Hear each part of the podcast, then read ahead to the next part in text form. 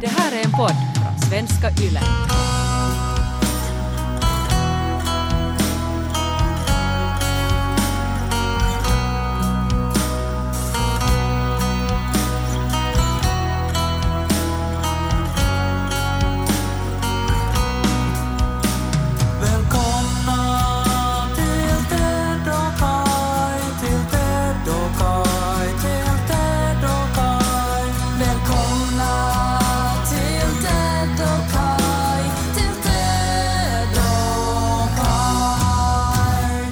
Finlands mest utskällde man den här veckan, tror jag väl att det är.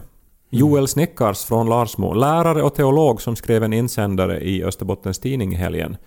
Eh, en ganska virrig insändare som jag inte tänker läsa här nu, men, men den handlar väl i stora drag om att flickor inte ska gå till gynekologen mot sin vilja för att det är jämförbart med sexuella trakasserier. Ja, och sen var det lite inblandat också att pojkar tafsar av vetenskaplig basis. Ja, eller så har man tidigare sett på det. Ja.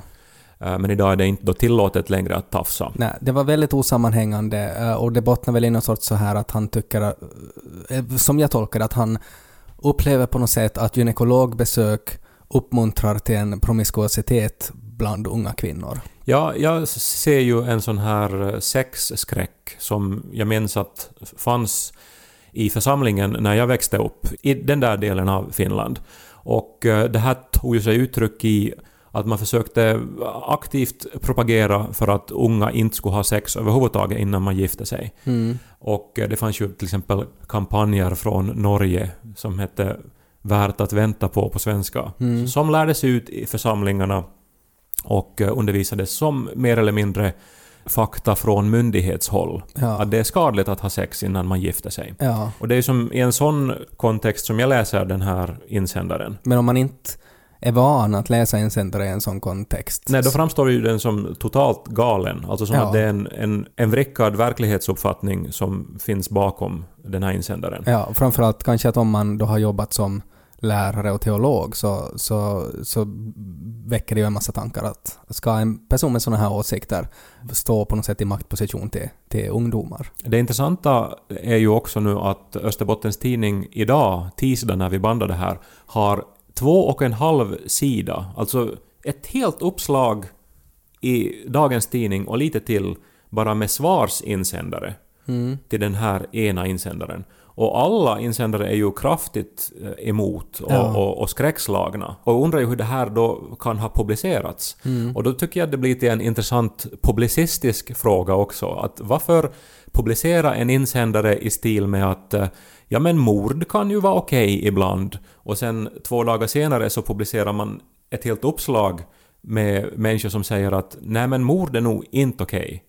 Nej, jag tänker att det finns två orsaker. Och ena är ju att eh, man får lite exponering för sin tidning, att det väcks debatt och, och att man får ett sånt här att ja, men det är nog ändå bra med tidningar för att det, det går ju inte så bra för tidningar. Eh, och sen är det andra kanske att man tänker att om sådana här åsikter finns så kan det ju vara bra att, att exponera de här personerna och visa att ja, det här är en människa som tycker så här. Nu vet ni allihopa det. Och sen kanske man, man ser lite annorlunda på den människan sen i framtiden.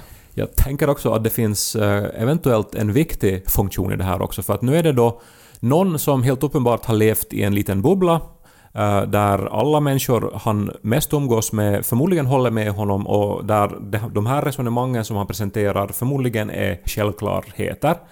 Men att han nu vågade framföra de här åsikterna i ett annat forum. Och nu när han då inser att ja men vänta nu, han får inte samma gensvar som han är Ja. van vid. Ja. Så det här är möjligtvis vet du, en ventil in i den här bubblan. Som Ja. i förlängningen kan leda till positiva saker. Eller så kan det leda till negativa saker. Alltså är det inte så att om, om man exponeras på något sätt att, att man att, att det på något sätt framstår att jaha, att jag är faktiskt egentligen med i någon sorts kult, alltså som, som är verkligen en minoritet, eh, och som majoriteten tycker att, att jag har ganska konstiga åsikter. Så då antingen kan det ju leda då till någonting positivt, alltså att man får på något sätt vidgade perspektiv som leder till att man kanske ser världen på andra sätt. Men det kan ju också ha totalt motsatt effekt, att man bara drar sig ännu längre in och blir rädd för omvärlden som behandlar en sådär dåligt. Ja, Så- alltså det finns de här vägarna att gå. Men vad, vad är det liksom, för jag tycker att det här är inte första gången som man stöter på så här lite speciella människor som har extrema åsikter som plötsligt bestämmer sig att nu ska jag börja försöka skriva någon sorts såna här, vad heter det, akademiska texter med vetenskapsmän. Nå, dels är det väl nog att man, att man tror för mycket om sin egen förmåga att, eh, att eh, läsa sammanhang Mm. och att eh, formulera sig över- överhuvudtaget. Det är ju någonting som man måste träna på. Ingen är ju bra på det liksom från första början. Mm. Men det är ju riskabelt att börja på ett offentligt debattforum i en tidning. Mm. Det andra är väl, tror jag, en ängslighet. Man tror väldigt mycket på Gud och man vill göra allt för att visa Gud att man, alltså exakt hur mycket man tror. Ja, att man egentligen man skriver det för, för Guds skull. Ja, alltså man har det som ett kvitto att sen visa åt Gud att se, men se här, jag gjorde ju det här för att jag trodde att, att jag liksom gjorde din vilja. Mm. Ja. Eh, Nu är ju den här insändaren inte specifikt religiös, men ändå så lyser det liksom igenom. Ja. eh, Att, eh, alltså att det, det, det finns en, en religiös föreställningsvärld bakom. Det är ju det som jag blir lite så här irriterad på också, att det är så uppenbart att det handlar om religion, men att man har på något sätt försökt klä det i någon sorts så här vetenskapliga argument som makes no sense. Ja, och, och det där var ju också något som jag störde mig på så otroligt mycket eh, med debatten om samkönade äktenskap. Mm. Exempelvis Päivi Räsänen då, som torgför då sina konservativa åsikter och var ju starkt emot allt som hade att göra med äk- äktenskapslagen. När hon försöker liksom hänvisa till att det är emot eh, FNs konvention, alltså barnrättigheter och, och, så, och så vidare. Alltså att hon försöker logiskt motivera sin homofobi. Ja. För det är ju som att man, man, man liksom tror så starkt själv att man är övertygad om att det, är det är ju så här det är. Alltså, alltså det, här är inte en åsikt utan nu, Nej. nu liksom äh, pre- presenterar jag fakta. Det är ju klart att homosexualitet är onaturligt. ja, det blir ju som en sån här kejsarens nya kläder-känsla. Men det är nog väldigt få, tror jag, som kan läsa den här Joel Snickars insändare och tycka att där finns klara tankar och liksom logiska tankekedjor. Nej. Men alltså det påminner mig om, om du minns den här dagen i gymnasiet när jag Nå, om jag nu tar hela historien, så Mm. hade vi kvällen innan suttit då eh, i vårt lilla församlingsutrymme och pratat om den yttersta tiden. Du och dina kompisar alltså? Jag, Jag- jag, jag var inte med. Jag och mina, eh, mina kristna kompisar. Ja. Du var ju min icke-kristna kompis. Mm.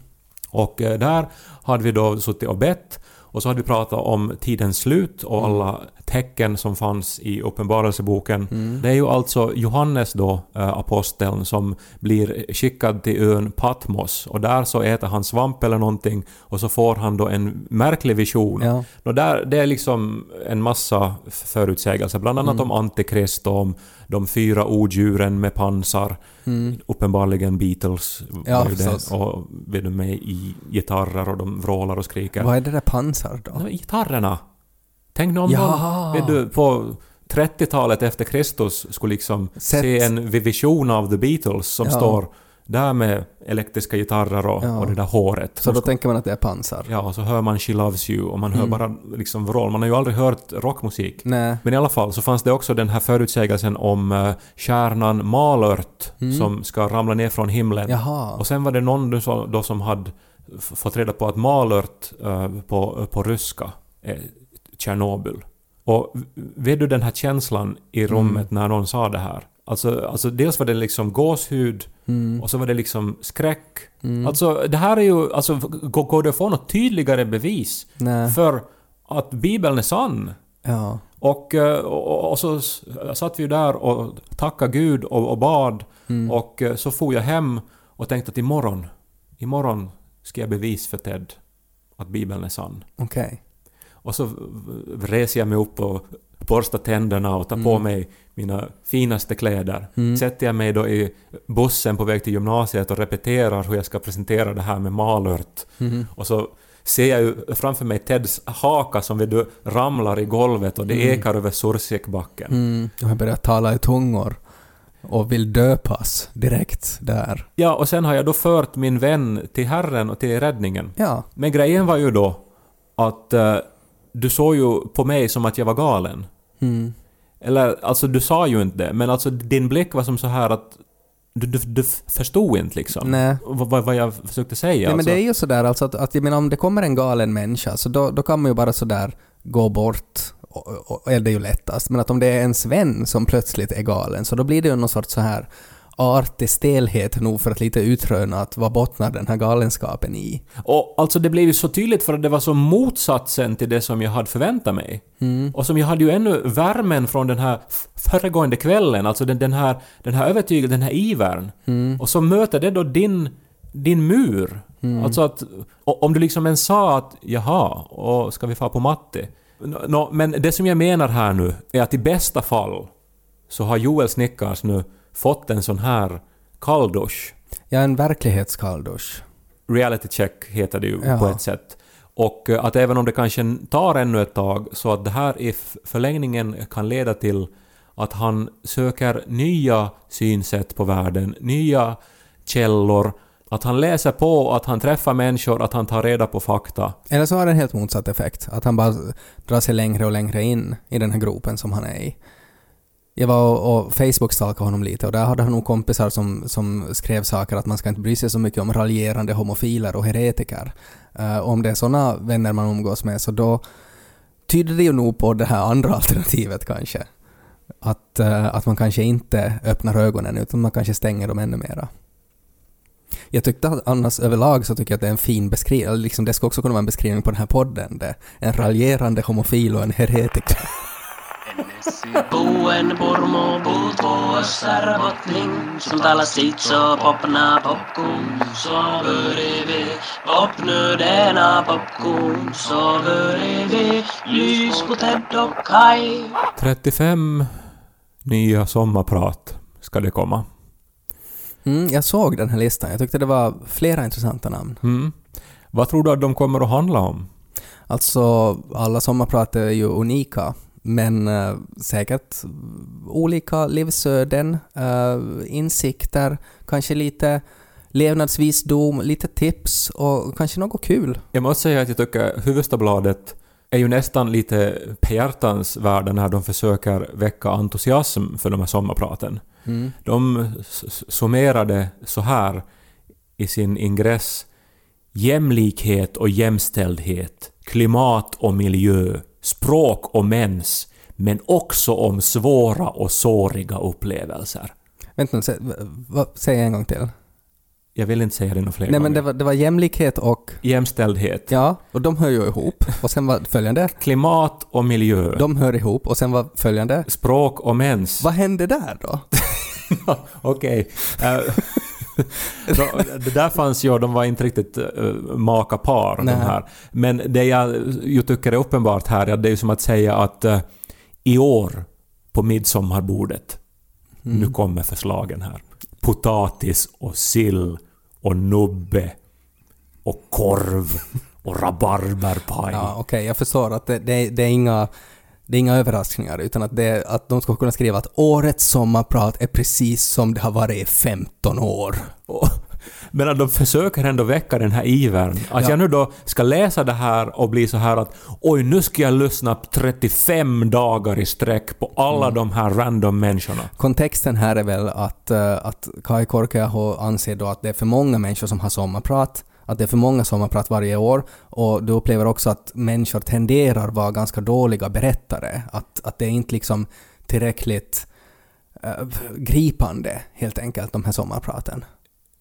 Det har vi väl diskuterat tidigare. Nej men det är ju som att i något skede fick Joel Snickars den här idén om att gynekologer framförallt är ute efter att förgripa sig på flickor. Varför ska de annars vara där i byxorna och hålla på? Ja, rakt in i könsorganet tror jag till och med han skrev. ända in, tror jag det var. Ja, och eh, sen så liksom har han bara levt i den tron allt för länge och liksom utgått från, alltså dag för dag, inte sett någon orsak att utmana den här föreställningen. Nej. Och eh, lite så är det väl med den här idén som man då fick för 15 år sedan. Att nu ska vi låta främmande människor prata i radion eh, om sina liv.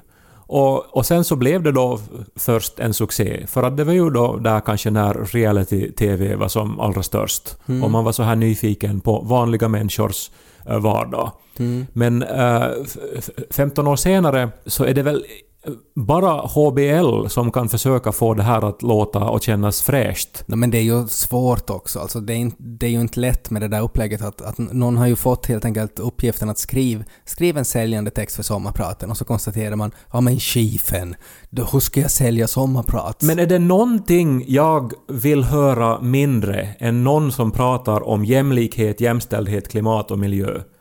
Man har det så upp i halsen. Det är ju det som allt handlar om. Jag vill höra någon, om jag vill höra någonting så, så vill jag höra någon som, som, som lever utanför den bubblan. Alltså jag kan hålla med om att det kanske finns en sorts förutfattad mening om hur ett sommarprat ska vara. Alltså att det finns en mall, att det här, det här, den här mallen ska man följa och så här ska man göra ett gripande sommarprat. Det ska vara berörande, det, man ska klämma ut en tår och så ska det ändå vara upplyftande på slutet och så har man en Beatles-låt. Men f- låt gå, kan det inte vara så? Måste ribban vara så hög? Det är ju ändå sommar liksom. Men vad om de istället då skulle leta fram 35 goda berättare? Och nu skulle det kunna vara författare, journalister, Men tror ni inte det skulle vara samma med dem också? Jag menar, om, när en författare ska göra ett sommarprat så då, då finns det också en mall. Och likadant när en journalist ska göra ett sommarprat. Har inte väl tanken med att man har många sommarprat kanske har varit att man öppnar upp det här? Att det kan vara mer intressant att nu är det en, en, en 50-årig painslut som jobbar som kryssningsvärd som berättar om sitt Nej, liv. men det är ju det vi aldrig får höra. Vi får ju bara höra om någon som då har, har rest till Florens och så har de tänkt någonting när de stod på den där bron.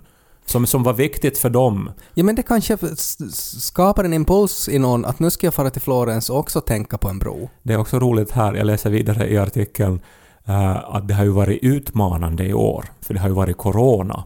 Och att hur ska vi få ihop den här serien?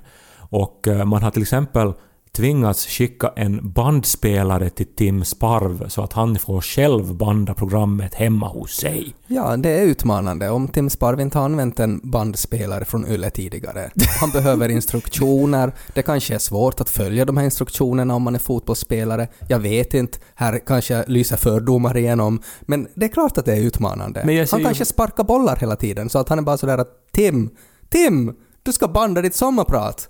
Och han är bara ”Jag ska få mål”. Jag ser framför mig att det har kommit liksom med bud då dit någonstans till Europa där han befinner sig och tränar. Alltså en sån här Technics dubbeldäckare Ja. med två kassettdäck. Ja, men det är ju utmanande. Och sen har de eh, märkt ut med så här röd tejp att här finns rekord och här ska du då prata så finns Mm. Ja. det en liten mick. Och sen ska den desinficeras efteråt. Har han ingen dator, Tim Sparv? Klart han har en dator, men han har kanske inte en mikrofon som är bra. Mm, Men, men alltså man har försökt nu då skapa någon sorts sån här dramatisk nerv här i att det var nära att det inte blev något sommarprat i år på grund av corona. Men tack vare redaktionens idoga arbete och att man har liksom då budat bandspelare runt i Europa då så kommer vi nu då ändå att få njuta av alla 35 prat om jämlikhet och jämställdhet, klimat, miljö, språk, mens, såriga och svåra upplevelser. Ja, det är ju jättebra det. Är det så att varje sommar när du, när du får semester och så tänker du sådär att nu, nu ska jag bara, nu, idag så ska jag bara ligga på min Baden-Baden och dricka en GT i solen och läsa en Kalle Anka och så kommer det liksom en sån här Yle-van gasande fram till dig, bromsar så gruset sprutar och så binder de fast dig i den där Baden-Baden och bär dig någonstans till ett enormt rum där de bara spelar sommarprat som du måste lyssna på och så bara skriker du och skriker och skriker. För att om det inte är så, så då kan du också välja bara att inte lyssna på dem. Nej, men det presenteras ju årligen som någonting fantastiskt, som en present. Att det här, det här är liksom höjdpunkten i medielandskapet under hela sommaren. Och, och, och sen är det ju det här pratet. Alltså, man borde sikta högre. Alltså, inte bara bidra till en så här oändlig räcka av slentrianprat om jämställdhet, jämlikhet, klimat och miljö. Är det någon som orkar uppbåda entusiasm för att nu ska vi höra ännu en variation av argumentation kring det här? Egentligen så skulle du vilja ha att säljtexten skulle vara att i år omkullkastar sommarpraten alla tidigare kända axiom inom vetenskap, filosofi, religion, matlära och pedagogik. Varsågoda. Det här är det bästa vi någonsin har gjort. Nå men nu skulle jag nu ratta in det. Ted och Kai. Du vet Napoleon? Han hade en yngre syster som hette Pauline Bonaparte. Eh, och hon hade ett litet hov, alltså så här hovdamer som hon alltid hade runt sig. Alltså som vars uttryckliga uppgift var väl främst alltså kanske att hjälpa till med att, att uh, klä på kläder. Eh, för att det var ju ett helvete som kvinna att få på sig de där kläderna. Eh, det är annars därför, om du har vetat det, alltså varför knapparna är olika. Men du kanske inte visste att, att kvinnlig knäppning och manlig knäppning avviker från varandra. Ja, jag har trott att det har att göra med att mannen lätt ska kunna komma åt hjärtat. För att om man får en kula i hjärtat så ska man kunna stoppa blodet. Nej, jag vet inte, men någonting med Ja. kriget och att komma åt hjärtat. Ja, det var en intressant tolkning. Eh, det handlar ju alltså om för att, eh, att kvinnor hade alltså betjänter som klädde på dem och då var det liksom lättare för dem att det var svängd åt andra vägen för dem. För att de klädde inte på sig själva. Mm, Men nu är det viktigt att kunna röra hjärtat då. Jo, så är det. Och att man ens, liksom att om man känner att nu blir jag nog träffad någonstans, att man snabbt kan få dit och potta med fingret. ja, det är nog ett hål. Tur att jag fick ipi-skjortu.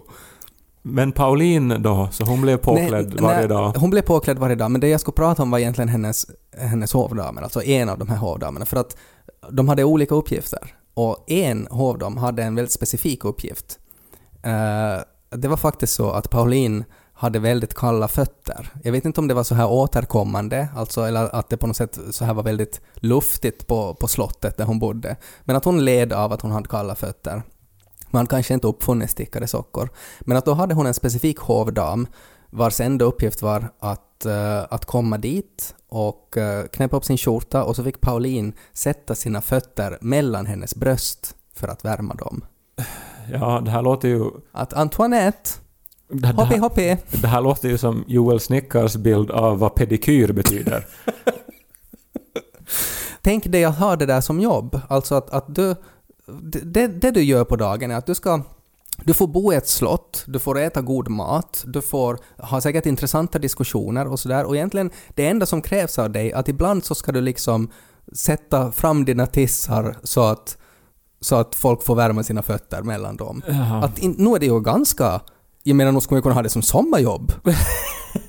att, att sådär att det är ju inte så krävande. Du kan, du kan kanske... Man skulle kunna lyssna på poddar samtidigt Ja, och sådär. och, och liksom den här hovdamens sommarprat skulle jag fa- faktiskt kunna tänka mig att, att lyssna på, för det skulle Ja. ju ändå vara en, intressant att höra hur hon har fått det här jobbet och hur det känns att ha en sån här väldigt märklig uppgift. Ja, Håller helt med där. jag tycker det väcker många tankar. Är man säker på då att de här inte hade någon sorts relation och det här var på något vis omvärldens eh, tolkning då? Ja, det Eller kan kanske till och med kodat då att, ju, att de här så hade ju sina fötter mellan varandras tissar. Ja, ja det kan ju hända att det var, det var liksom någon så här väldigt avancerad form av, av lesbiskt sex. Eh, och så, så liksom svansade Napoleon in dem mitt i allt och var sådär att Hoho, vad är det som försiggår? Uh, och så förklarar de bara att nej, hon bara värmer sina fötter. Det här förtäljer inte Wikipedia. Jag har ju väldigt kalla fötter också. Men skulle du kunna gå med på att värma dem bland en främlingstisson då? Eller Ja. mellan en främlingstisson? Eller skulle det vara Niko?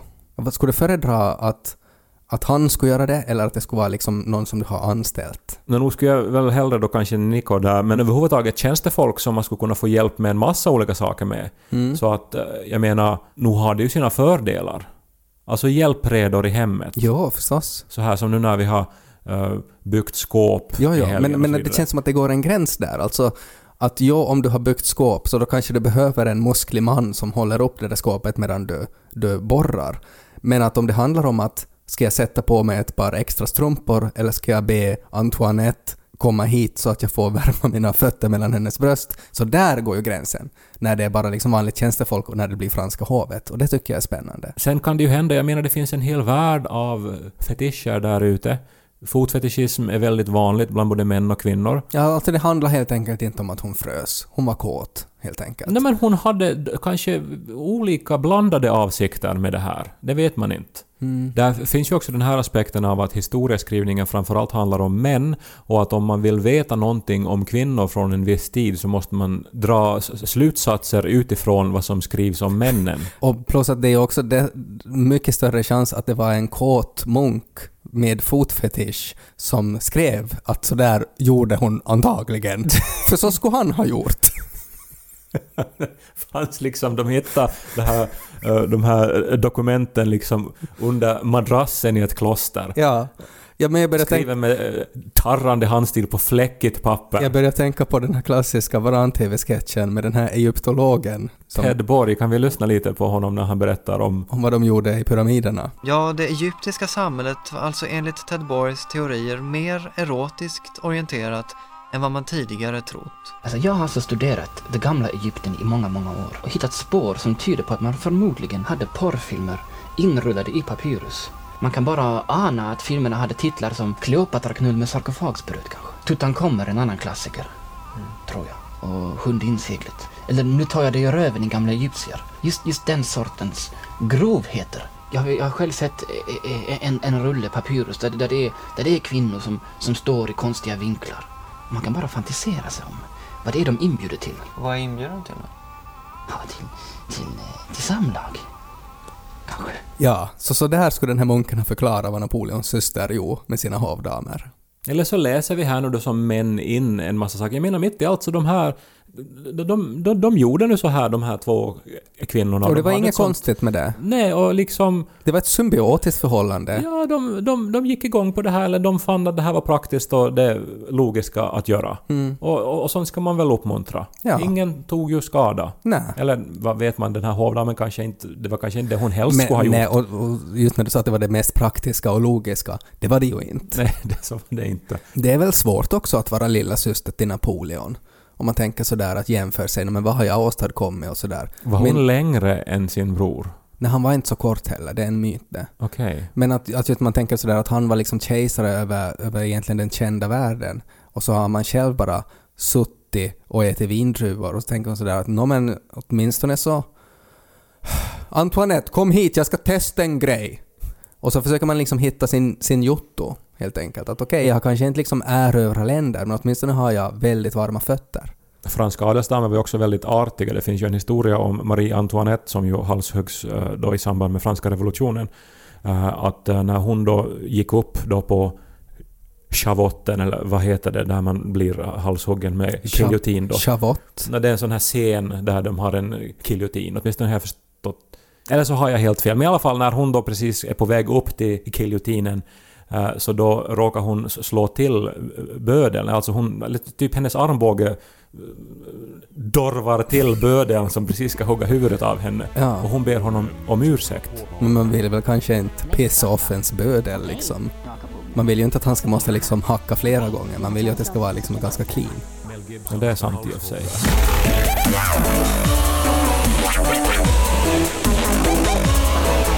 Mel Gibbs.